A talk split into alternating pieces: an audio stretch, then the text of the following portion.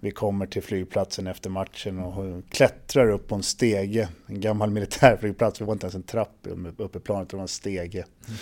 Mm. upp i planet, satte oss, hade suttit en timme ungefär, då fick vi beskedet att flygplatsen var stängd men att eh, den skulle öppna snart så att vi skulle komma iväg. Så vi satt en timme till och då fick vi beskedet att eh, nej, eh, flygplatsen är stängd så vi, eh, vi kommer inte kunna flyga för imorgon bitti.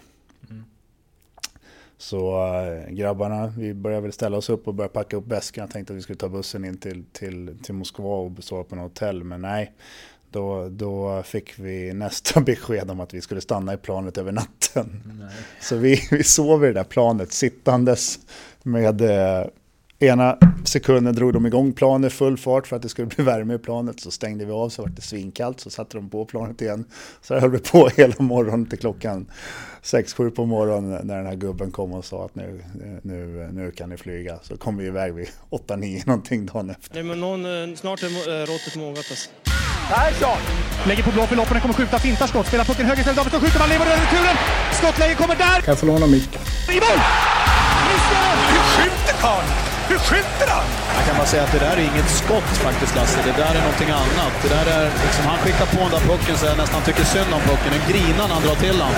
Utan Fröbo var målvakt! Kan jag få låna micken? Kolla! Poff! En allvarligt talat Leif Boork håller på med hockey i 600 år! Kan jag få låna micken?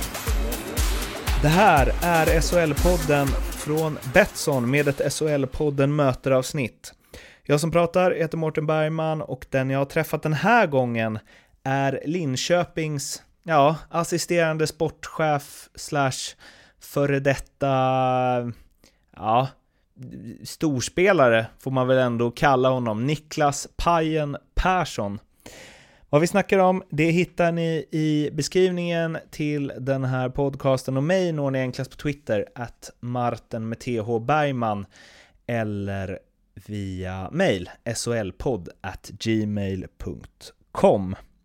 Nu tillbaka till den 19 februari i Saab Arena i Linköping, Niklas Pajen Persson. Mycket nöje. Eh, det är inte ofta man, eh, eh, eller jag sitter med någon som inte spelar längre, så mycket passande gjorde du ju comeback nyligen. Mjölby, ja, dimension 1, 2? 2, 2, 2, 2. Vill du berätta? 1 plus 1? Va? Eller vad var det? ja, det vart ju så. Mm. Uh, nej, men uh, ja, vad ska jag berätta? Jag har tjatat en stund på att jag ska spela och uh, från början så Eh, har inte riktigt funkat och jag har inte fått ihop det i, i livspusslet. Men eh, nu var det en, eh, en helg som var ledig och de hade en, en sponsormatch som jag fick frågan att spela och då fick jag ihop det så jag hann träna en gång och sen hoppa in och spela. Och nu får vi se om det blir någon match mer under, under den här säsongen som går men vi får se. Kunde du, alltså var du Gretzky? ja, åldersmässigt i sådana fall då. Eh, nej, det var väl... Eh, eh, man har väl aldrig varit känd för sin snabbhet, men det har väl aldrig varit mer talande än den där matchen, att, att den inte gick så snabbt längre. Men, eh, Eh, nej, men jag skötte mig väl hyfsat tycker jag. Första perioden så lite halvtaskig timing och man spelar väl inte riktigt eh, eh, det var inte den nivå man var van att spela på. Så det hände lite andra grejer och det svänger någon åt något håll som man inte hade räknat med och sådana där saker. Men det var jäkligt roligt och det är ett, eh, det är ett härligt gäng med, med rätt unga grabbar som, som siktar på att ta klivet upp i ettan. Så det, är, det är bra go på träningarna och det är jäkligt roligt och de, det är seriösa grabbar på den nivå de är. Mm. Men, för det måste också bli lite så här... Mm eller jag vet inte, det är olika, men eh, många före detta liksom, elitidrottsmän jag snackat med som tycker att det är svårt när det ska vara lite skoj. Eh, att man inte riktigt kan, för det blir ju ändå lite mer skoj i division 2 än på SHL-nivå. Men man vill heller inte att liksom motståndarna ska bara Fan pajen, det var ju inget märkvärdigt. Eller hur? Du vill ju gå Nej men lite så bara... var det nog. Det var nog många som tänkte så efteråt. Att det var inte så jäkla märkvärdigt. Men eh, nej men alltså det, det eh, så är det ju inte faktiskt. Det är klart att det, det, är, de spelar för att det är roligt på ett annat sätt än vad man gör. Eh, eller så ska jag inte heller säga, för jag har aldrig spelat något år bara för att jag måste. Mm. Utan man har ju alltid spelat för att man tycker att det är jäkligt roligt. Och det var ingen skillnad nu heller. Att jag spelade för att jag tycker att det är roligt. Mm. Eh, hade jag inte tyckt att det här var en rolig grej så hade jag inte ställt upp. Utan jag, jag, jag, hade roligt och det var jäkligt kul att spela. Eh, sen tycker jag ju att de här grabbarna, som jag sa, de är seriösa på sin nivå. De har en målsättning att gå upp i ettan och där de är just nu så tränar de efter sina resurser och sina möjligheter väldigt hårt. Och det, det, det är, liksom, det är väl en sak som slog mig, att det var, rätt- det var vältränade grabbar i omklädningsrummet. Så att liksom, eh, på så sätt så var det bra. Och eh, sen att man spelar för skojs skull, det är klart att jag spelar där för att jag tycker att det var roligt, eller för skojs skull tycker jag låter så jäkla fel och nedvärderande på något sätt för dem. Utan där och då så var jag seriös och där och då så ville jag vinna matchen. Och, och eh, eh, jag tror inte att jag delade ut någon tjuv, tjuv, tjuvsmäll någonstans, men, men det är klart att man, man släppte inte förbi någon bara för att man inte ville, utan man, det var full fart. Men hur bra är du på den nivån? Alltså, om, du måste ju vara... över, ja men du måste vara överlägsen. Om du, eller? Du, Det måste vara Ah. en enorm skillnad ju. Ja, det är det. Absolut. Mm. Första perioden så gick det väldigt snabbt. De, så är det. det. Men sen orkar de inte riktigt. Och sen är inte passningarna på samma nivå som SHL. Och, ehm, spelförståelsen är inte på samma nivå för alla. Och betydligt mindre trupper. Så att det, det är klart att eh, istiden tog ut sin rätt. Även på mig kan jag säga. Och, och, eh, men men eh, det är mycket bättre än vad, vad många tror. Så mycket kan jag säga. Blir det något mer då? Eh, kanske. Okej. Jag vet inte än faktiskt. Nej, Vi får okej. se. Är det en förhandling? Ja, Jag är inte så dyr om jag säger så. Jag är ju ganska gratis. Så gratis det går. Ehm, så att det, på så sätt så är det ingen förhandling utan det är mer en förhandling med mig själv att eh, jag ska få in det i schemat. Mm. Ehm, det här tror jag, eller det här borde jag ha frågats, men jag gjorde en snabb googling och hittade inget och jag har ändå liksom Ja men följt dig sedan Leksandsdagarna och aldrig halkat över det. Men pajen, vad är det ifrån? Ja, eh, nej, men det finns ingen, ingen jätterolig historia bakom utan Nej. det är ett smeknamn som, som växte fram efter, under, eh, under några år i Leksand där och, och eh, mötte Djurgården borta och Eh, Patrik Alvin eh, som sagt var eh, planterade det i media på något sätt. Han sa skriv pajen, han kallas för det och det var nästan ingen som gjorde det då. Och media är ganska snabba på att skriva sådana där saker och sen, sen fastnade det där och då, då har det hängt med. Man har hittat på ett smeknamn. Nej, men jag säger ja lite så är det faktiskt. Men det, det, det, liksom, det, det utvecklades från lite andra ord till att börja med och sen liksom gick det vidare och så till slut så, och vad det, jag vet inte. Fråga honom, han kanske har en jävla bra svar för det där men, men eh, det har han inte utan det var, det var mer att eh, efter det så var det fler och fler som använder och som sagt var tidningar och media är ganska, tycker det är ganska roligt att använda smeknamn. Eh, framförallt när man, när man heter Niklas Persson som kanske inte är så jätteovanligt så, så är det väl mer åt det hållet också. Du tror att det har gynnat din karriär? Smeknamnet? Ja, äh, jag är inte helt främmande för det. Alltså, det finns... Jag menar att, har menar att Pelle Mårts när han tog ut någon landslagstrupp så här, så bara, Niklas Persson, han ska inte med, men Paj, han tar vi med.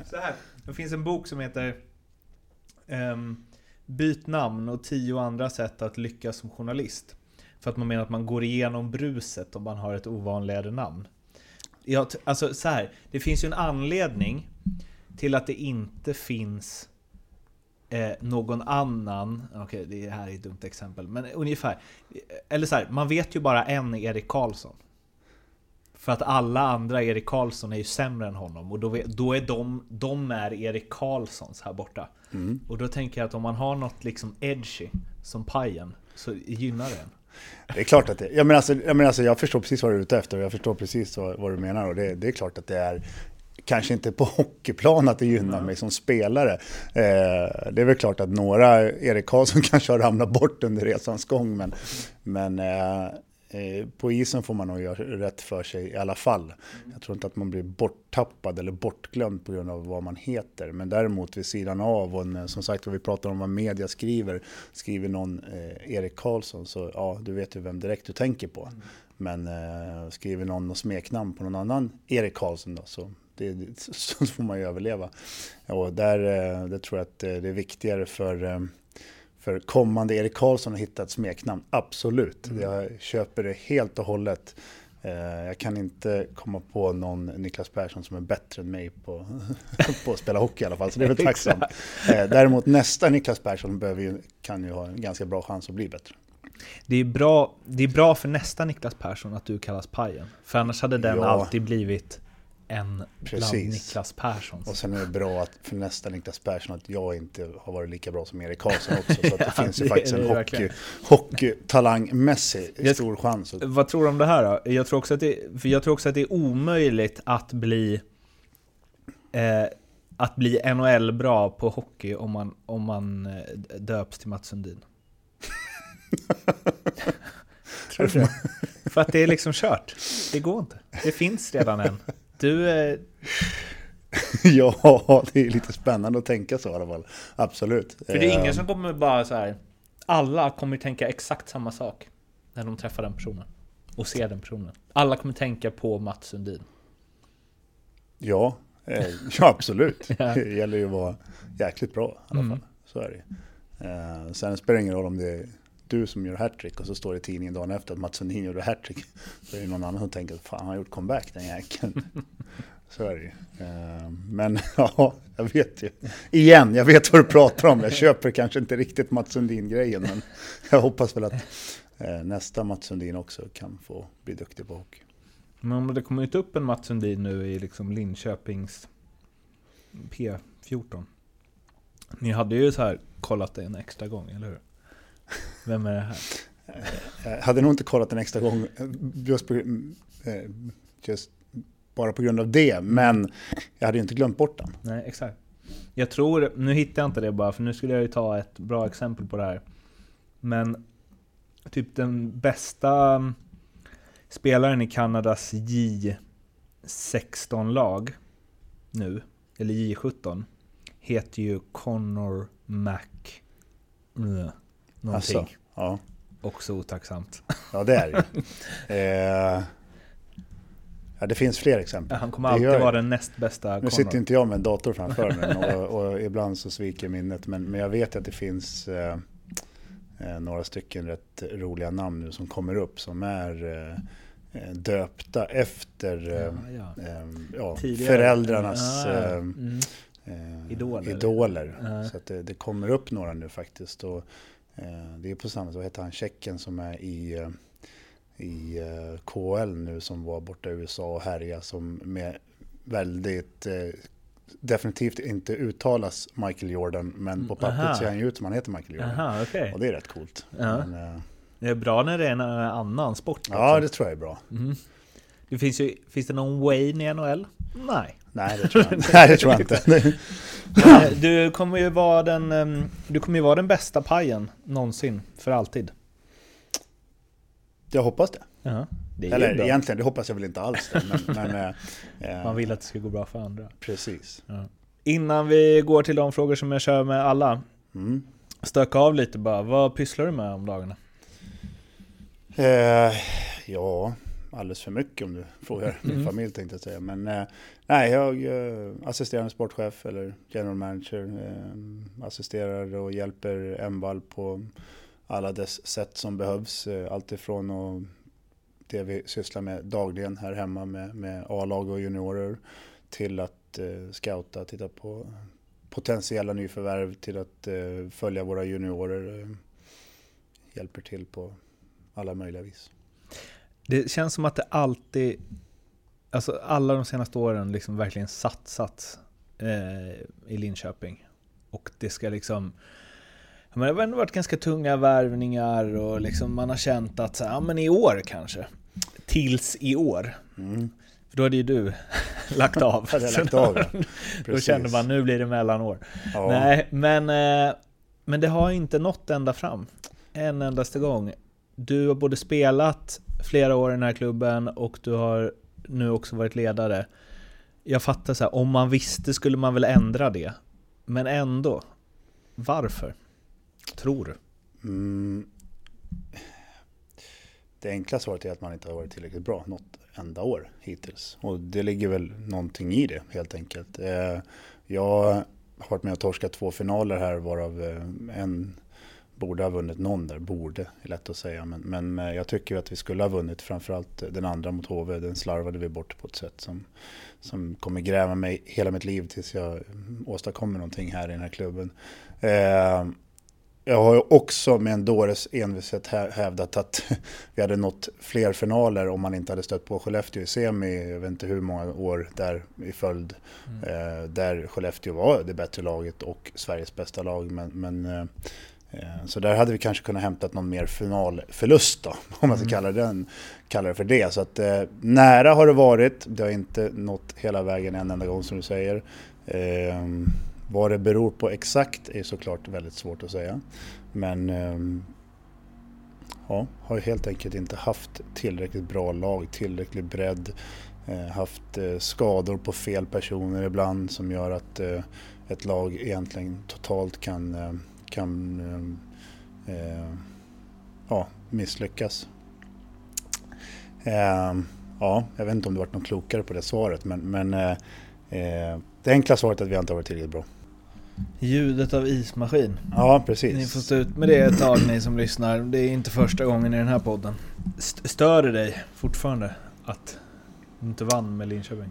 Oerhört mycket. Senast... Eh, eh, man blir påmind, påmind rätt ofta. Och jag eh, har tittat på de där matcherna ett par gånger och det är ju eh, ett par situationer i matcherna som gör att man är både bitter bitter och, och jävligt långsint på något sätt. För, eh, Varför tittar du på dem? Därför att det är ju otroligt roliga minnen också. Okay. Eh, finalerna här mot HV i då hette det Cloetta Center, nuvarande Saab Arena, är ju några av mina bästa minnen, även fast det är några av mina värsta minnen också. Men det trycket som var här inne, den publiken som var på plats och, och skapade den inramningen, det, det är ju eh, ja, bland de värsta, värst, värsta inramningarna jag har varit med om. Det var sånt jäkla liv här inne så att det var, eh, det är såna grejer som man, vissa minnen vet man att man kommer aldrig att glömma och man kan nästan ta på, på stämningen som man brukar så fint säga. Och det var ju verkligen så här att eh, när pucken släpps första, första nedsläppet i matchen så var det, nej, det var så jäkla häftigt och, och ibland så när jag tittar på de här matcherna så det går det går väldigt fort i början. Jag tror att vi vi rivs med där. Mm. Um, sen i match 6 så gör HV 1-0 och publiken blir ännu mer galen efter ett par tveksamma domslut eller något sånt där som, som händer så brukar publiken komma igång ännu mer och då var det, äh, det, var, det var jäkligt häftigt. Så att, äh, både, både, både de värsta och de bästa minnena. Så därför tittar jag på dem eh, lite då och då. Eh, eller då och då. Det lät inte, jag, jag tittar inte på dem varje år men, men jag har sett dem något, några gånger. Det lät lite mörkt först. Sitter och tittar. Ja, men det känns som att man sitter hemma och gräver ner sig ännu ja. djupare. Nej, men de dyker upp ibland och då är det kul att titta. För det är som jag sa, det är jäkligt roliga minnen också. Vi hade eh, fantastiskt roligt ihop. Alltså gruppen, hur vi, den utvecklades båda åren, framförallt år ett. Mm. Eh, grabbarna i laget, liksom, det är sådana här som man har eh, något speciellt. Eh, klart att de lagen var speciella som jag har spelat i. Vi hade ordentligt roligt både på och utanför isen ihop och det eh, hjälpte ju självklart till att, till att eh, skapa något bra på isen också. När du la av, var du helt säker på att det här är rätt beslut?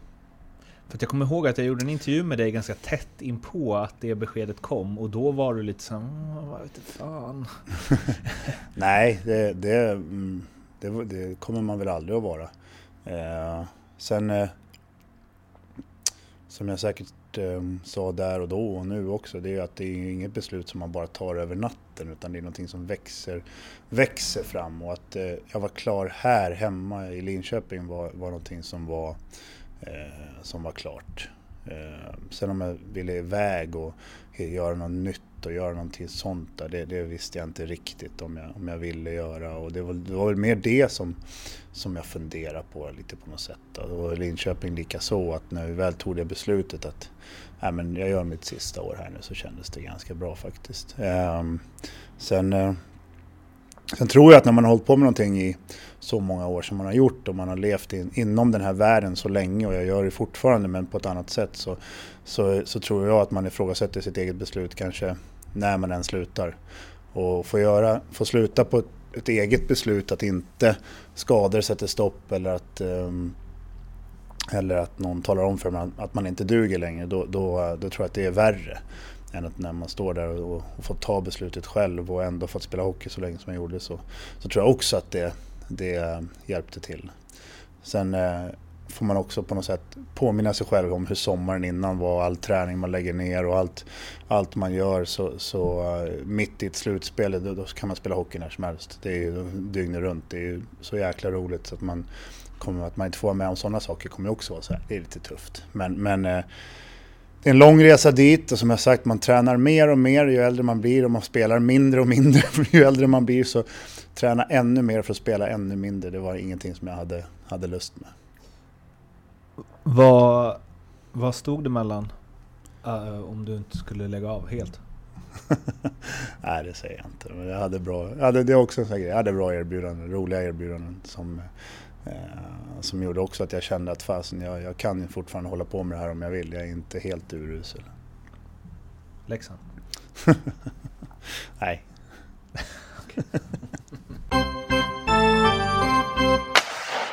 Vi går till eh, den eh, delen som jag kör med alla. Förutom Foppa, Sudden, Lidas. Vem är eh, Sveriges bästa spelare genom tiderna i din bok? Oj, vilken fråga. Eh, nej men alltså, du nämner ju inte ens Börje Salming. Eh, sen kan ju man ju dra upp, jag vet inte. Jag har varit i Leksand länge så spelar med Thomas Jonsson och har bra, bra meriter både borta i USA och här hemma och en grym ledare på isen. Eh, och vid sidan av när jag kom upp som ung kille. Eh, så att, eh, det är väl två bra, men Börje en klass för sig. Sen eh, så tycker jag väl snart borde man väl eh, såklart eh, dra med Erik Karlsson och Henke Lundqvist i det där snacket också. Förutom Gretzky och Lemieux, världens bästa genom tiderna? Oj. Det är också så här, hur långt ska man gå tillbaka? Men, men eh, jag har, just nu så jag, jag, jag, jag gillar ju Sidney Crosby. Nu har han blivit 32 år gammal så han är snart dags för han att lägga av också. Då kan man väl börja nämna han i de där. Mm. De där. Men alltså, Eh, jag tycker att det är eh, det hade varit jäkligt roligt att få se Foppa några år till utan skador. Då tror jag att vi hade diskuterat hans namn i deras, eh, deras svängar också. Om eh, du spelade din sista säsong, om det fanns en tidsmaskin då och du hade kunnat åka tillbaka till 1990. Så bra som du var då alltså. Hade du gått in i första femman i alla NHL-lag då? Vänta här nu. Alltså att hockeyn har utvecklats så mycket. Jag fattar inte den frågan. För, för, 1990? För, ja, om du hade kunnat åka tillbaka. Nej men alltså som du var då. Om du som liksom 38-37-åring hade, hade kunnat spelat åka, 1990? Ja. Eh, ja, det tror jag någonstans. Eh, kanske inte i första femman i alla femmor för att det fanns ju några spelare som jag tror liksom hade hållit. Även nu? Ja, mm. precis. På, på, med annan träning såklart. Men, men eh, eh ja, alltså, frågan är egentligen hur mycket hockeyn har utvecklats mm. och hur mycket snabbare det går idag och hur mycket mm. mer fysiskt eh, krävande det är och hur mycket bättre tränade alla är. Så ja, det, det, det vill jag säga. Det är en otrolig utveckling. Hade det varit en Pittsburgh där med Jagr Lemieux-pajen. Bra kedja. ja, det, ja, du hade nog haft det defensiva. Ja, precis. Pucken hade man inte ens fått sett på träning då. Om inte öppen kassa hade man fått några stycken. ja. uh, om du får tänka helt fritt, vilken regeländring, hur galen den än må vara, hade du velat testa inom hockeyn? Oj, det har jag aldrig funderat på faktiskt. Tycker du är bra med de regler som finns? De flesta, ja. Mm. Det finns väl några som går att diskutera och det finns några som går att eh, få tillbaka. Men, eh, få tillbaka?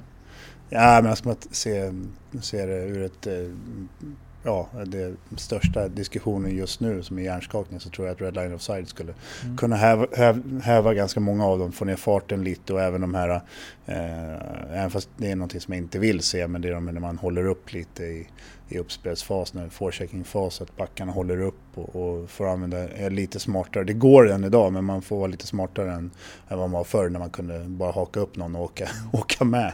Mm. Eh, så att, eh, det tror jag skulle kunna hjälpa mycket och jag tror att det skulle dra ner på farten och, och gynna dem med lite mer spelhuvud såklart. Eh, och Så eh, det är väl någonting ur den aspekten som jag ska kunna ta tillbaka, men ur ett hockeyaspekt, nej. För det, tycker, det undrar jag så här, jag tycker också det. Jag tycker man borde få haka och glida med ner. För jag funderar, alltså det kanske var för att man var mindre då och tyckte att liksom NHL var det häftigaste som fanns i livet. Men ja, jag har inte för mig att jag tyckte att det var tråkigare hockey då än vad jag tycker nu.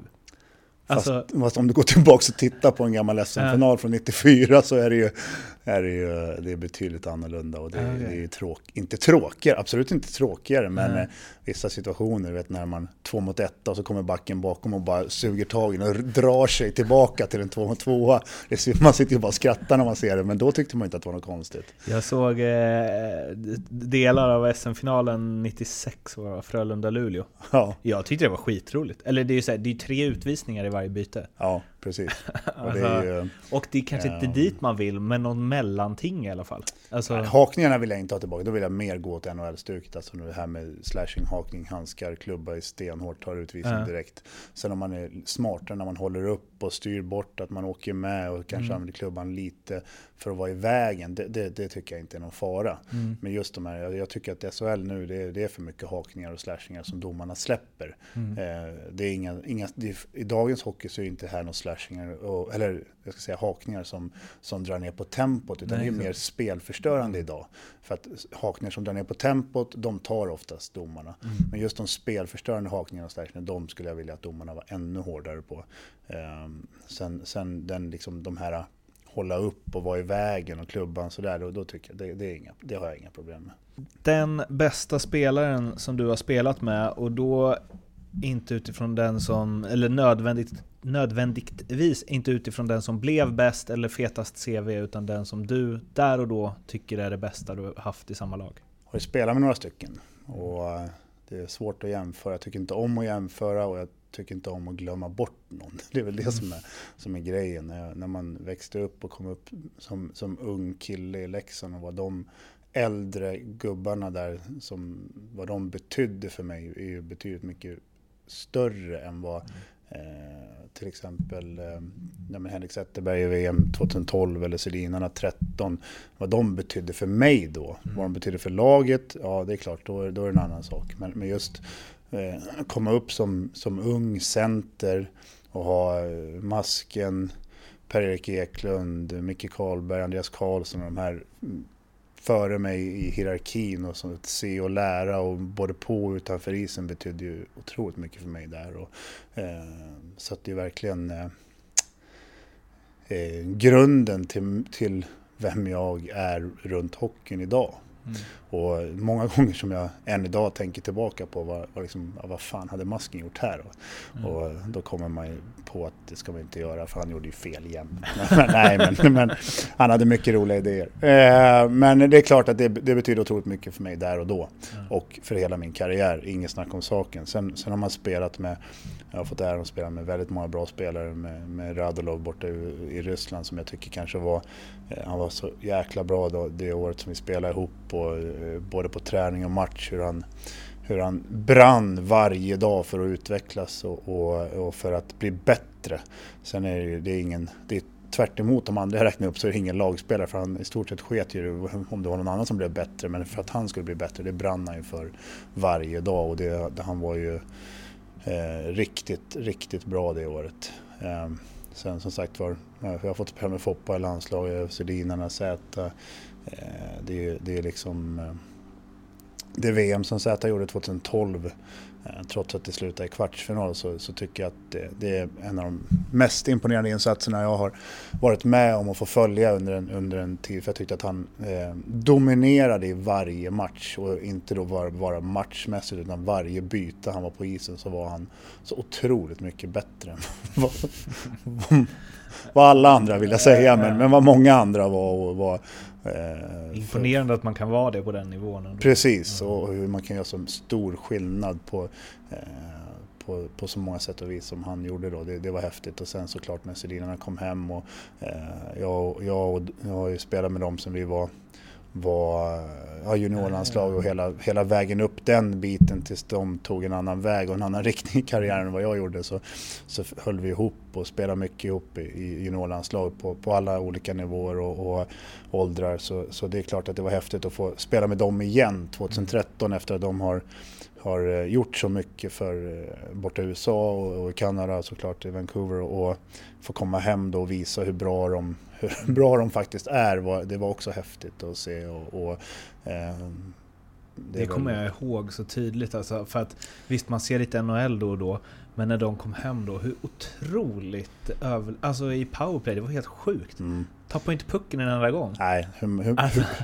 hur, hur, bra man kan vara på att dra ner på tempot ja. och utnyttja det, det är, det är så jäkla häftigt. Och de, eh, den inställning de kom hem till, till, till VM, hur de kom med en inställning att de var där för att vinna, mm. hur less de var på sin säsong i Vancouver och ville bara göra något bra av resten. Mm. Eh, det var ganska häftigt för att det var, eh, det är definitivt inte så alla NHL-spelare då kom hem till mm. landslaget utan de, de var verkligen där för att vinna. Um, den, utifrån samma kriterier, den bästa du mött? Bästa jag mött? Alltså, jag har ju mött eh, Jäger väldigt mycket. Eh, mm. Tack vare slutspel i KHL och med landslag och allting. Och det är klart att det någonstans så med den rollen jag hade då och skulle ta bort någon och den rollen jag fick i slutspelen där mot när han var i Omsk så det var ju på något sätt jäkligt häftigt att få det med, med den meritlistan han hade och, och, kanske inte var Kanske, han var ju definitivt inte som bäst då men han var ju fortfarande väldigt bra och det visade han sen när han åkte tillbaka till NHL att han, att han var bra. Och, mm. eh, det är klart att det, det, det meritmässigt så är det eh, ganska häftigt och, och, roligt att vara med och, och spela mot dem. Sen, sen eh, eh, eh är det lite speciellt också eftersom jag många matcher har matchats just mot honom. Så det var liksom mm. inte bara att man mötte honom eh, på isen, alltså lag mot lag, utan det var väldigt många byten som jag hade som roll att ta bort honom. Och det, eh, jag tror att jag räknar ut någonstans eh, när vi mötte dem i slutspel där borta och, och, vi hade, jag tror jag mötte dem 15 matcher på en säsong och sånt där och jag hade i stort sett som roll i, i 60-70% av dem som var min roll att ta bort honom och vara på isen och han var på isen. Så det, eh, det, det är lite speciellt och det tyckte jag var... Där och då så var det jäkligt roligt. Jag tror inte han tyckte att det var lika roligt men, men, men vi tyckte det var roligt och jag tyckte att det var roligt och en jäkla, jäkla häftig eh, utmaning. Mm. Eh, sen, sen är det klart att man har mött många bra spelare genom åren också. Alltifrån unga killar som har blivit väldigt bra så småningom till, till, ehm, eh, ja, till bra spelare överlag. Vem är den största eh, så här, vad ska man säga, råtalang som du sett? Oj. Jag tänker på en. Jaså? Ja, nej men alltså jag, jag, jag ehm, det, det beror lite på hur man ser så råtalang när man alltså, tittar på... Eh, jag tänker väl mest boll, alltså spelsinne, bollbegåvning. Ja, då, ja, ja, jag har en kusin som är en av de värsta kan jag säga, med Robban. Mm. Eh, och det är klart att eh, hans bolltalang är något utöver det vanliga. Sen, eh, sen spelade jag med eh, Kucherov borta i CSKA mm. när han var ja, vad kan han ha varit, 18, 17, 18, 19 däromkring och, och det var ju bara offensivt i hans huvud kan jag säga. Han var knappt nedanför egen röd, eller e- egen blå linje var han det knappt, men han var knappt på andra sidan röd, egen sidan röd heller, utan det var bara offensivt. Och, mm. eh, den talangen han hade, han och sen eh, Gusev då, som är Sankt Petersburg nu, de, just med puck alltså. Det, det, var, det var häftigt att se två unga killar som, som var det var inte i gymmet de blev bättre om jag säger så, utan det var på isen. De var, de, de var där för att leka med pucken. Mm. Då, ja men fokar man bara på offensiv, då blir man också, leder man också NHLs poängliga, eller hur är det? du tror att det kan hända alla, eller vadå? Nej, men det, det, de kom från, eh, det året som, som jag kom till CSKA, så kom de från ett eh, vunnit mästerskap med juniorlaget. Mm. Och eh, jag tror att, eh, jag vet inte hur många av dem som är i NHL eller har varit i NHL av de där mm. unga killarna men de var, eh, det var så här som man stod på träningarna och bara när de hade pucken så var det wow redan då. Okay. Eh, sen kunde de ju vara inne på fem bakåt och, och mm. samma match men, men eh, de var, det, det är naturbegåvningar med, med boll och puck. Då. Men Robban då? Alltså du som är så nära honom ändå. Där tänker jag, hade han haft... Eh, det, det kan man i och för sig säga om ganska många spelare. Men hade han liksom haft Crosbys skalle så hade han varit topp 5 forwards i världen. ja, topp 5 är ganska, ganska rejält. Ja, men, men nej, men Robban alltså, är klart att jag, men som jag säger, han har, hans talang, hans touch med, med, med klubba puck men även med boll så, där, så vad han än håller i så, så vet han ju vad han ska göra. Det spelar ingen roll om det är ett bowlingklot eller om det är en pingisboll eller en, en puck. Eh, jag brukar säga att det enda han är riktigt jäkla dålig på det är fotboll. Jag vet inte varför. Men är det så? Nej, det är väl inte så, men det är väl någonting som, som jag är bättre än han på. jag kan psyka bort honom i alla sporter, men det, det vägrar han att erkänna. Jag tror inte jag har negativt eh, resultat mot honom eh, i någon sport. Tacksamt när det bara en som sitter här och kan berätta sin verklighet. Ja, jag vet. Uh, nej, men alltså hans uh, talang är såklart no någonting utöver det vanliga. Uh, all timingen och touchen och på, på isen är, är grym och det spelar liksom ingen roll om det har att göra med puck och klubba eller om det har att göra med att sätta en, en open ice tackling så, så har han timing i den med. Det är, bara, det är bara någonting som finns där och sen är han eh, ja, haft en liten eh, han fick väl inte den, den bästa resan bort i USA heller utan jag tror att det har spelat in eh, vilka lag han hamnade i. Eh, så var det liksom inte eh, de bästa för stunden där och då eh, och han valde att åka därifrån. Han hade ju garanterat kunnat spela där borta om han ville. Mm. Mycket längre men valde en, en annan väg att komma hem till Europa och hitta lite glädje med hockeyn istället. Tror du att han har tagit stryk av att pappa är den pappa är?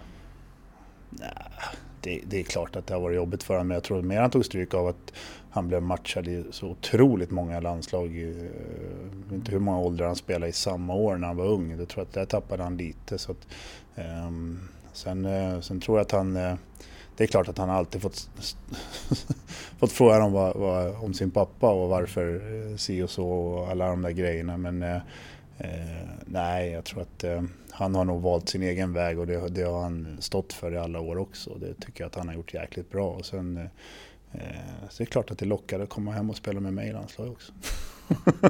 Eller? Har du spelat samma kedja? Ja, då, det har vi gjort. Vi spelar ihop Eh, hela, hela landslagsåret där som slutade i eh, eh VM, i finalförlusten mot Slovakien. Där, så, I Slovakien mot, mot Finland så spelade vi ihop eh, hela året faktiskt. Så det mm. var, var jäkligt roligt. Den bästa tränare du haft? Ja, det, det är också sådär eh, beroende på... Jag känner att det blir långa svar ibland. Men, men eh, jag brukar alltid säga att Uffe Skoglund i Leksand var, en, en var viktig för mig och, och eh, sommarträningsmässigt definitivt lärde mig vad som krävdes och, och högg mig eh, Eh, på, högg mig i ryggen så fort jag inte... Ska man säga så? Nej, det ska man inte säga. Han pushade mig och talade om för mig när jag inte gjorde det jag skulle och la en, någonstans en... Eh, visade mig vilken nivå som, som krävdes på sommaren i mängd. Och, och sen har man fått utveckla den med hjälp av andra. Men, men där, sommarträningsmässigt och på isen, hur mycket vi tränade, det, det, det var viktigt för mig där och då. Sen kom Jarmo Tolvanen till mig, till Leksand i en, en ålder som jag behövde Eh, Eh, han kom in i en, i en period där vi åkte ur med Leksand och vi hade haft eh, andra tränare och han eh, var viktig för mig och, och jäkligt bra tränare på alla sätt och vis tycker jag. Jag tyckte att han var, dels så, så för min del så förklarade han för mig redan från början att jag, jag du kommer få den tid du behöver för att utvecklas den här säsongen. Jag vet att du hade haft tufft förra året men, men jag tror på dig och du kommer få, få Får den, ta den tid du behöver, det är slutet av året du ska ha som bäst och det är, då, det är då vi ska ha som mest användning för det. Och det gjorde han klart för mig tydligt. Och sen tycker jag att han var en tränare som var tydlig i sitt ledarskap. Han var inga problem att prata med, men han var väldigt tydlig med att det var han som bestämde. Jag tyckte att han var eh, bra på att motivera spelarna. Alltifrån eh, sätta upp målsättning för hela säsongen, den var ganska klar med Leksand eftersom vi ville tillbaka till, till, eh, till SHL. Så, så det var ju ganska tydligt med målsättningar för varje match för att hitta små grejer som han kunde hänga upp laget på som motiverade oss. Det var, det var han ruggigt bra på där och, och eh, hjälpte mig och många andra i det laget att ta ett, ett, eh, ett kliv i, i eh, utvecklingen definitivt. Inte bara mig som var ung utan även även sådana som, som Micke Karlberg, Jens Nilsson som var då 10 8, 9, 10 år äldre än mig och liksom även för dem att studsa till lite i karriären. Och, Mm. och eh, det var han äh, jäkligt bra tycker jag. Eh, sen, sen är det andra som har haft viktiga roller i min karriär. Bengt-Åke Gustafsson, Per Mårts som, som lät mig spela på, land- med landslaget på en, reg, alltså reguljärt och, och liksom man, man fick spela på den nivån oftare än att bara vara med sporadiskt var jätteviktigt och eh, lärde mig massor och, och um, fick mig att utvecklas och, och även spelar inte så stor roll vilken ålder man är i utan man måste ju ha de tränarna som är viktiga och eh, jag gillar Eldebrink i, i eh, när jag hade han i Rapperswil även fast det gick som det gick med. På, på isen så lyckades vi inte som lag men, men jag gillar hans ledarskap där. Och även eh, tydlig Don Tagnes var i sin eh, eh, hur han vill spela hockey och, och hur han lär ut och, och det eh, eh, pedagogiska i, i hans ledars, ledarskap gillade jag också. Så det det, Har du haft det vart några stycken. Har du haft någon dålig? Eh, ja, det har jag haft. Definitivt Är det nu ett det kommer- par. Är det nu när det kommer någon ryss eller? Eh, Det brukar alltid vara så. Eh, ja, nej men alltså jag, jag, jag hade ju rätt roliga tränare i, i Ryssland om jag säger så. Jag hade ju, först så hade jag Vladimir Krikunov som är nu i Dynamo som är en gammal, eh, gamla skolan rysk tränare. Eh, många svenskar nu som har fått äran att ha honom. Man tränar väldigt, väldigt hårt och väldigt, väldigt mycket. Men eh, jag hade ingenting emot honom. Och, eh, det är en speciell ledarstil men jag hade, var ganska open-minded när jag åkte dit. Eh, det skulle inte funka här hemma och det är ingen tränare jag skulle signa. Men, men eh, så att, så att, Det eh, hade ändå varit ett kul experiment. Ja, det hade varit ett kul experiment. Men jag hade ju, jag tycker vi hade ju, eh, eh, nu ska jag se, nu tappar jag namnet på en slovakisk tränare hade vi i CSKA som var med i landslaget där någon sväng i Slovakien när de, när de vann här i Sverige. Va? Och, eh, Eh, han tycker jag väl inte bidrog med så mycket. Eh, sen kan han ha varit bra andra år i andra lag, men där och då så var han inte så bra. Så att jag, jag har några stycken, det finns några till också som jag inte behöver nämna med namn. Men, men eh, han tyckte jag var på fel plats på fel, eh, vid fel tillfälle definitivt. Ehm, den bästa lagkamrat du har haft utifrån hur du tycker att man ska vara i ett eh, lag, i ett omklädningsrum, i en grupp. Man skulle lite så här, om du tog ut ditt All-Star-team, vem hade varit kapten? Liksom? Nej, men, ja, det, det blir så många spelare som man väl egentligen vill, vill, vill rabbla upp. Men eh, Staffan Kronwall och jag har eh, kamperat ihop i, i många år och, och eh, hållit ihop eh, både vid sidan av isen och på isen. Och, och eh, det är en otroligt eh, genuin person, mycket bra lagkamrat, mycket bra ledare på isen och vid sidan av. Och, och det är väl en, en kille som jag, som jag vill nämna som kanske inte får så mycket cred eh, alltid utan, utan eh, viktig för, för, för lagen han spelar i. Och nu har han varit borta i Ryssland länge så han har väl lite... Så har också inte gjort så mycket här på hemmaplan i klubblagsnivå så att han, han blir lite bortglömd sådär ibland. Men- Fan, vart kapten i Jaroslav i fyra säsonger. Mm, precis, det säger väl lite också om Oj, vad det är för person. Och, och, eh, att det, nej, men det är väl en lagkamrat som definitivt, sen kan jag dra upp hur många som helst. Men Mm. Eh, ja, Staffan vill jag nämna. Ja, utgående kontrakt också. Ja, men han är ju fan sin gammal nu alltså. ja, Ja, vi får, vi får väl se. Han blev ju... Ja, men vad fan. Hur, eller det är så här, hur bra är Jaroslav nu? han är ganska bra i år. De är ganska bra. Ja. De, eh, han, har väl inte, han gjorde en kanonsäsong förra året. I år har det inte gått lika bra poängmässigt. Han har haft lite skadebekymmer i vissa lägen också. Men han, eh, han är sig lik. Är han... eh, Alltså hans brorsa Niklas är ju en av de trevligaste idrottsmän jag någonsin träffat alltså. Mm. Det var ju liksom... Jag träffade honom i Detroit för ett år sedan, eller två år sedan. Det var som att han... Alltså jag tror att han var mer glad över att vi var där, två reportrar från Sverige, än vad vi var över att få träffa honom. Ja, men det är bra. Det är en bra, jäkla trevlig familj faktiskt. Hela, Ja. hela är de allihopa. lika eller? I sättet? Ja, det är väl, alltså, vissa likheter är klart de har. De är ändå uppväxta ihop och, och, och bröder så det är klart att de har. Men i slutändan så är de väl rätt olika ändå i Okej. vissa lägen. Har du blivit starstruck inom hockey någon gång? Ja, det har man väl blivit ett par gånger eh, på något sätt. Eh, på, på olika sätt kan jag väl säga. Men, eh, ja, nej, men alltså, det är väl klart att när man, när man första första träningen tillsammans med Foppa var ju klart, det var ju något speciellt även fast han liksom inte var på topp eller vad ska jag säga, men han var ju fortfarande en Foppa och, och det är klart att det var, det var häftigt och, och sen, sen är man ju hockeynörd i fingerspetsarna så så fort man har mött någon bra spelare så, så är man ju lite sådär, ja fan det här är häftigt. Men, men eh, eh, ja det är väl, det är väl mer, eh, mer det och, och ja, det, de eh, men på hockey, hockeyplanen det, det är väl Foppa då, då som, som har stuckit ut lite. Sen, sen eh, eh, det är klart att man, man har, det har hänt vid fler tillfällen men, men där och då så var det, det var lite häftigt eftersom jag visste också att vi ändå skulle spela ihop. Mm. Uh, spelar ni i samma kedja då? Mm. Mm. Hur var det? Ja, det var, nej, det var, nej, det var roligt. Alltså, absolut, det var jättekul. Han var ju eh, fortfarande väldigt bra och, och, eh, man lärde sig någonting där också kan jag säga. Hur, hur höga krav han hade på sig själv även mm. fast det liksom var på en eh, ja, det är väl elakt att säga, men det var en, han var ändå också en nedåtgående kurva då. Mm. Eh, han siktade på OS och, och, allt vad det var. Han var hemma och ville spela mer hockey och, och, hade haft problem i många år med skador, men ändå så höga krav på sig själv. Och, mm. och det, det, man, man lär sig någonting hela tiden.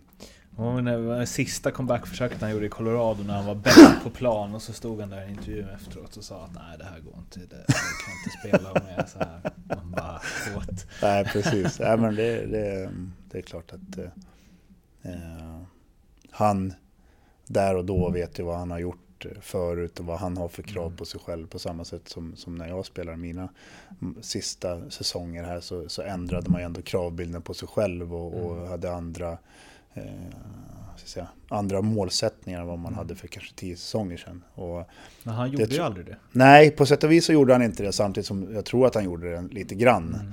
Men, men han gjorde inte det på, på så sätt att han, att han hela tiden strävade efter att bli bättre. Mm. Fast han var, jag vet inte hur gammal han var då. Men... Och att han inte ens hade en, eller han hade bara en fungerande fot också. Ja men precis. Um, vilken atlet från någon annan idrott är du mest imponerad av? Vilka frågor du ställer.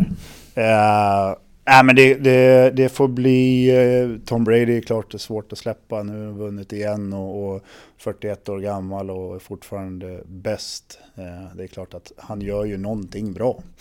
Definitivt, det gör han ju. Och sen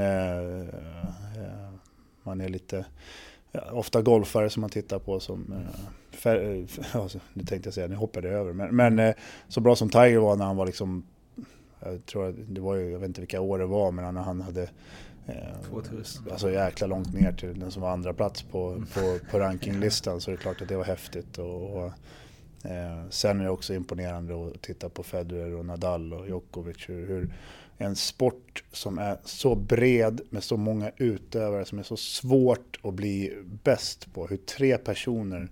kan ha varit ja, överlägsna i så många år. Det, det är svårt att, att äh, förstå.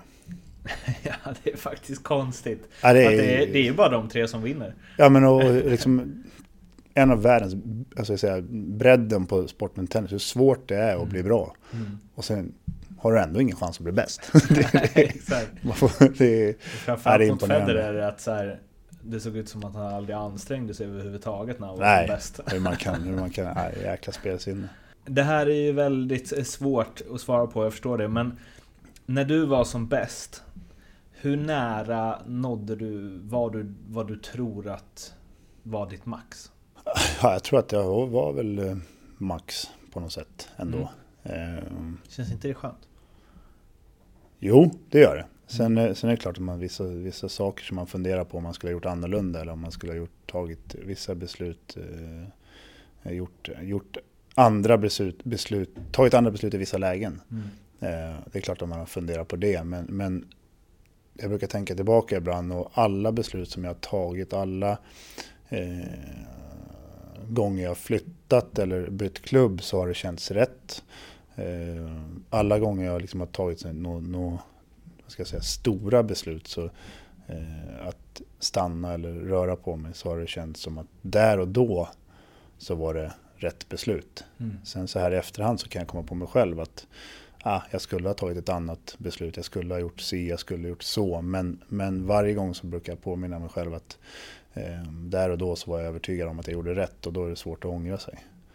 Eh, men eh, det är klart att vissa grejer, det, det, det ångrar man om man skulle kanske ha gjort annorlunda och fått ett annat eh, utfall. Men, men jag tror att jag var väldigt nära mitt max och jag, och jag eh, är väldigt nöjd med vad jag ändå åstadkom. Hur många procent talang, om vi, om vi tar bort att träna hårt är en talang, vi pratar ren liksom spelsinne, bolltalang. Hur många procent talang versus hård träning var det? Ja, det här är svårt att svara på själv. Alltså man, man, eh, man har lagt ner så oerhört många timmar på träning. Mm. Så man vill ju gärna tro att det har gett någonting. ja. eh, annars så känns det ju jobbigt. Eh, sen eh, hur många procent som är vad, det är ju jäkligt svårt att svara på. Men, men eh, någon sorts grundtalang måste man ju ha. Eh, jag har ett tycker ändå att jag har haft ett ganska bra spelhuvud. Mm. Sen, sen har man ju inte varit någon, någon, eh, någon skridskoåkare utav rang eller sådär. Men jag var nog snabbare än vad jag ändå själv tror och vad många andra bara sett ut och gått. Men, men eh, eh, det är klart att eh, det är ganska många procent. Det är, man säger så här, det är mer procent träning på mig än vad det är på Sidney Crosby och eh, Erik Karlsson. Och då tränar ändå de jäkligt hårt. Ja. Men det är väl det som är... Ja, det här har jag tagit upp förut, ni som lyssnar på varje avsnitt av den här podden. Men jag tyckte det var bra för eh, Frippe Händemark beskrev liksom hur mycket han kämpat och tränat och tränat för att Ja men från egentligen ingenstans, alltså sista åren i Leksand tänkte man ju såhär, men skeppa honom liksom. Och helt plötsligt var han i landslaget och kapten i Malmö. Eh, och då sa han bara, jag tränar hårdare än alla liksom. Han var förutom en. Och det var Filip Forsberg. Men han, och då sa, och sa han bara, och så går det om man har mest talang och tränar mest. Ja. Då blir man också topp 25 forwards i världen. Ja men så är det. Det är, mm. det, det, liksom, det är ju... Eh, det är klart att jag tror inte att... Jag vet inte hur man ska säga det här för att det inte ska bli fel. Men, men alltså, jag tror inte att det är många man säger, Händemark säger att han tränar mest av alla. Mm. Ja, det, han tränar säkert väldigt, väldigt mycket och väldigt, mm. väldigt hårt. Men det är många andra som tränar väldigt, väldigt mycket och väldigt, väldigt hårt. Mm. Men det han gjorde också, det var att han slutade ju inte. Han slutade inte Nej. träna väldigt mycket och väldigt hårt. Nej, utan han har säkert eh, ändrat om lite i sin träning. Han har mm. säkert funderat lite mer på vad han ska träna på. Mm. Eh, tagit lite mer ansvar för sitt eget tränande. Mm. Lägger någon minut extra på någonting annat än vad han gjorde under de här åren mm. i Leksand då, som du beskriver. Eh, där, där kan jag gå tillbaka till mig själv. att eh, jag sa liksom att när, i början när vi pratade om vem, vilka tränare så nämnde jag Uffe Skoglund och, och mitt tränande i Leksand. Att han lärde mig väldigt mycket där med hur mycket man ska träna, vad som krävs, vilken nivå man ska lägga på. Det gjorde han, men den utveckling jag fick eh, när jag flyttade till Lex, eller hit till Linköping, när jag den sommaren fick ta mer eget ansvar. När jag, eftersom jag satt och reste eh, lite mellan Linköping och Leksand, tränade mycket själv för första gången i min karriär. De andra åren har jag bara gjort vad jag blivit tillsagd i stort sett. Mm. Då, genom att diskutera med våran fystränare här i Linköping, Lasse Törnholm, vad man ska lägga de här timmarna på som man tränar på, vad jag ville. Jag hade, jag hade egentligen aldrig reflekterat, vilket låter jättedumt. Jag var inte purung, men alltså man, man reflekterar kanske lite för lite, eller jag gjorde då, vad jag behövde träna. Jag drog ju inte ner på träning och jag tränade definitivt inte mindre hårt. Mm. Men jag ändrade, viktade om lite träning. Jag hade satt en tanke bakom vad, vad jag behövde träna på för att utvecklas lite till. Och det gjorde väldigt mycket för mig. Eh, sen, sen, sen tror jag liksom att det är klart att som, som han säger att tränar man väldigt hårt och har väldigt mycket talang då blir du bäst. Mm. Eh, det går inte att träna sig till att bli bäst. Det tror jag inte. Utan då måste du ha talangen också. Mm. Eh, Men det är väl det, typ Conor McDavid, om man, i alla fall det man läser och ser.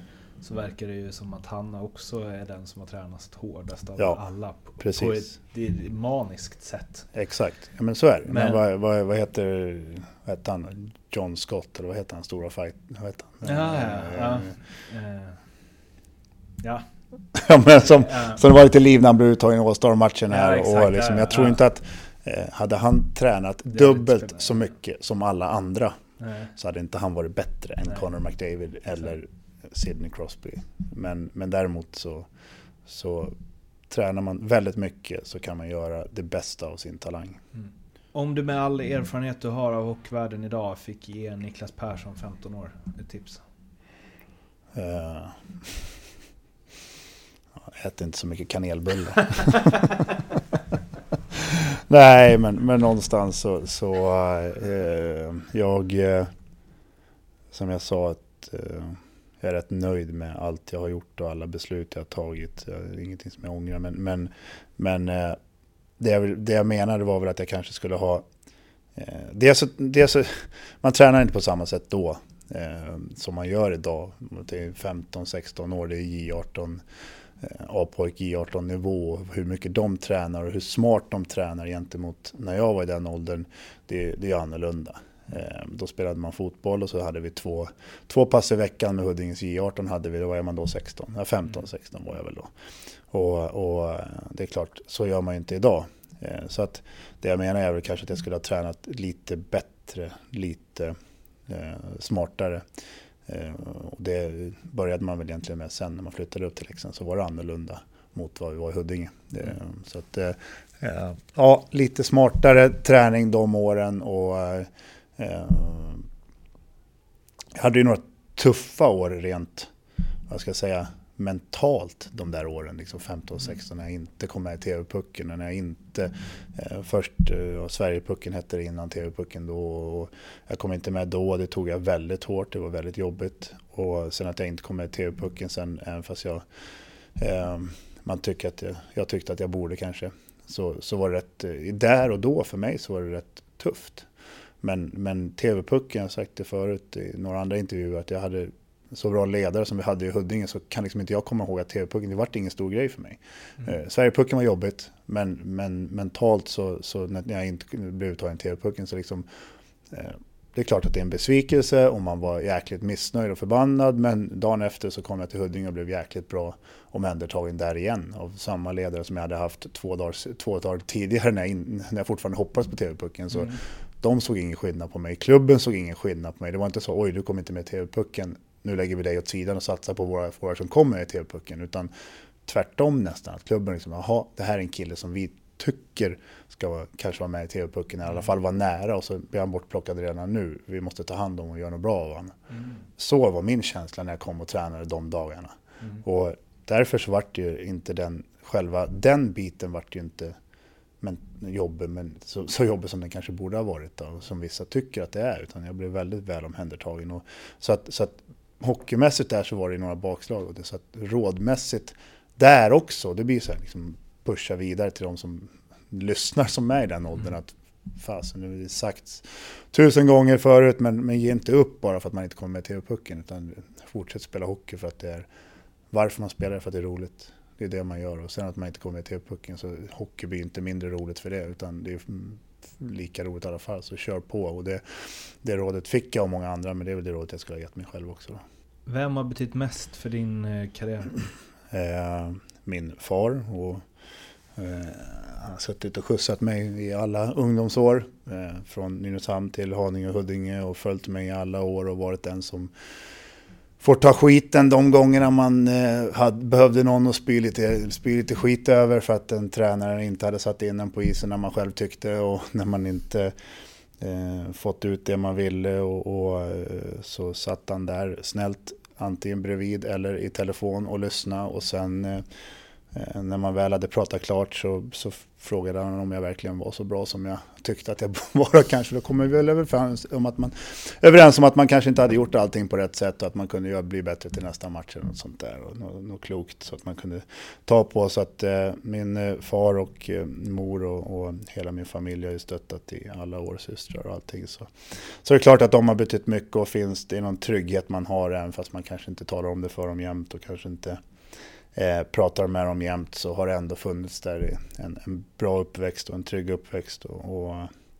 någonting som jag litar på. Och sen, eh, sen min fru och mina barn som har tagit vid där någonstans och fått, fått stötta när det behövs och ge en perspektiv på, på livet och, och eh, komma hem till ens barn när man eh, eh, mår som sämst efter en förlust och ser dem eh, glada och eh, lekandes och totalt eh, skiter i hur hockeyn hade gått. Det är ju väldigt viktigt och har betytt otroligt mycket. Man säger andra året efter att man fått barn är som bäst i hockeymässigt.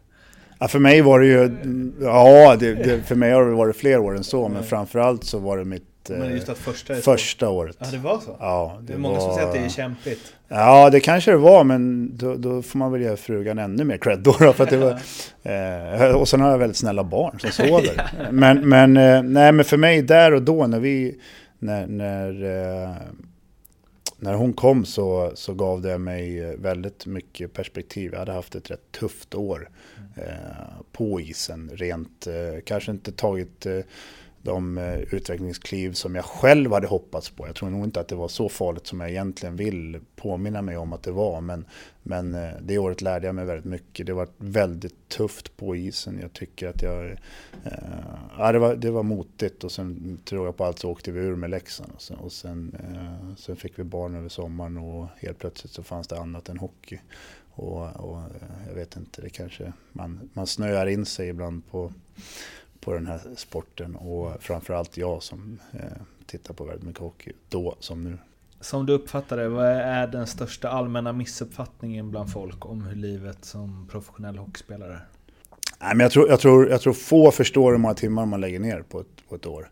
Eh, allt ifrån allt med träning och resor och matcher och allting så, eh, så lägger man ner otroligt mycket tid. De tycker att det är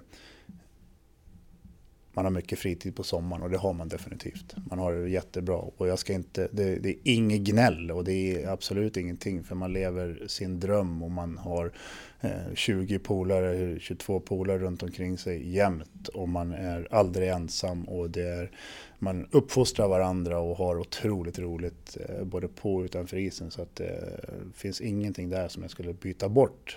Men, men eh, det, missuppfattningen i så fall är väl att de förstår inte hur många timmar det tar. Eh, sen tror jag att eh, resterande del är nog, ja det, det, ska väl vara också hur svårt det är att spela. För det är många som har åsikter och tycker det ser lätt ut den läktaren så det är väl de två grejerna då. Men det går. Man slår inte många fel pass från läktaren.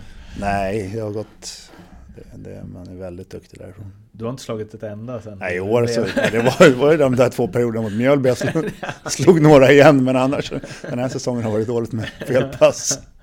uh, din största framgång inom hockeyn? Uh, nej, men det är klart att uh, VM-guldet 2013 är uh, någonting som ligger där uppe. Uh, jag brukar det, det jag brukar nämna, liksom, lagmässigt så blir det ju det, blir det, det blir eh, avancemangen med Leksand och det blir eh, även fast det var två bittra slut så finalförlusterna här med LHC eh, betyder väldigt mycket för mig där och då. Eh, rent utvecklingsmässigt de två åren. Så det är de grejerna som jag brukar nämna och sen är det klart att eh, eh slutsignalen 2013 med VM-guldet och de två med Leksand var lite roligare än slutsignalerna här i, i, i Linköping. Men eh, eh VM-guldet och och, och de grejerna. De, ja. Ditt största misslyckande eller motgång inom hockeyn?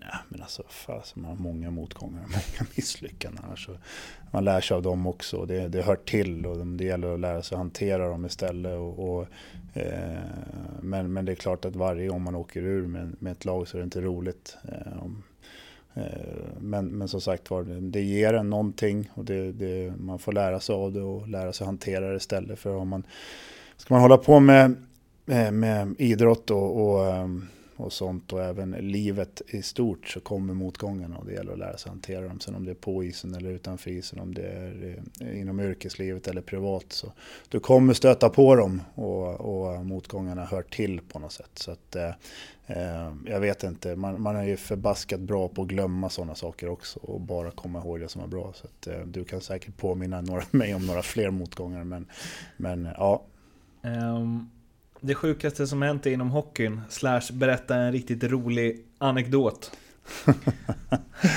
ja, nu kan jag sitta länge. uh, nej, men det... det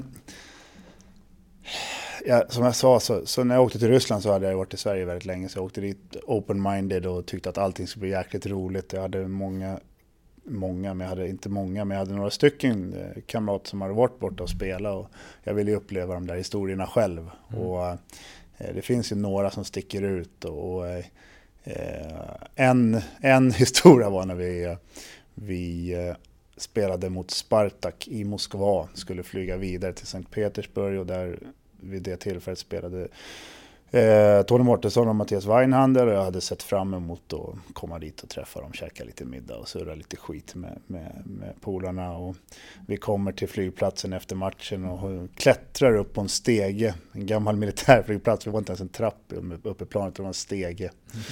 Eh, upp i planet, satte oss, hade suttit en timme ungefär, då fick vi beskedet att flygplatsen var stängd men att eh, den skulle öppna snart så att vi skulle komma iväg. Så vi satt en timme till och då fick vi beskedet att eh, nej, eh, flygplatsen är stängd så vi, eh, vi kommer inte kunna flyga förrän imorgon bitti.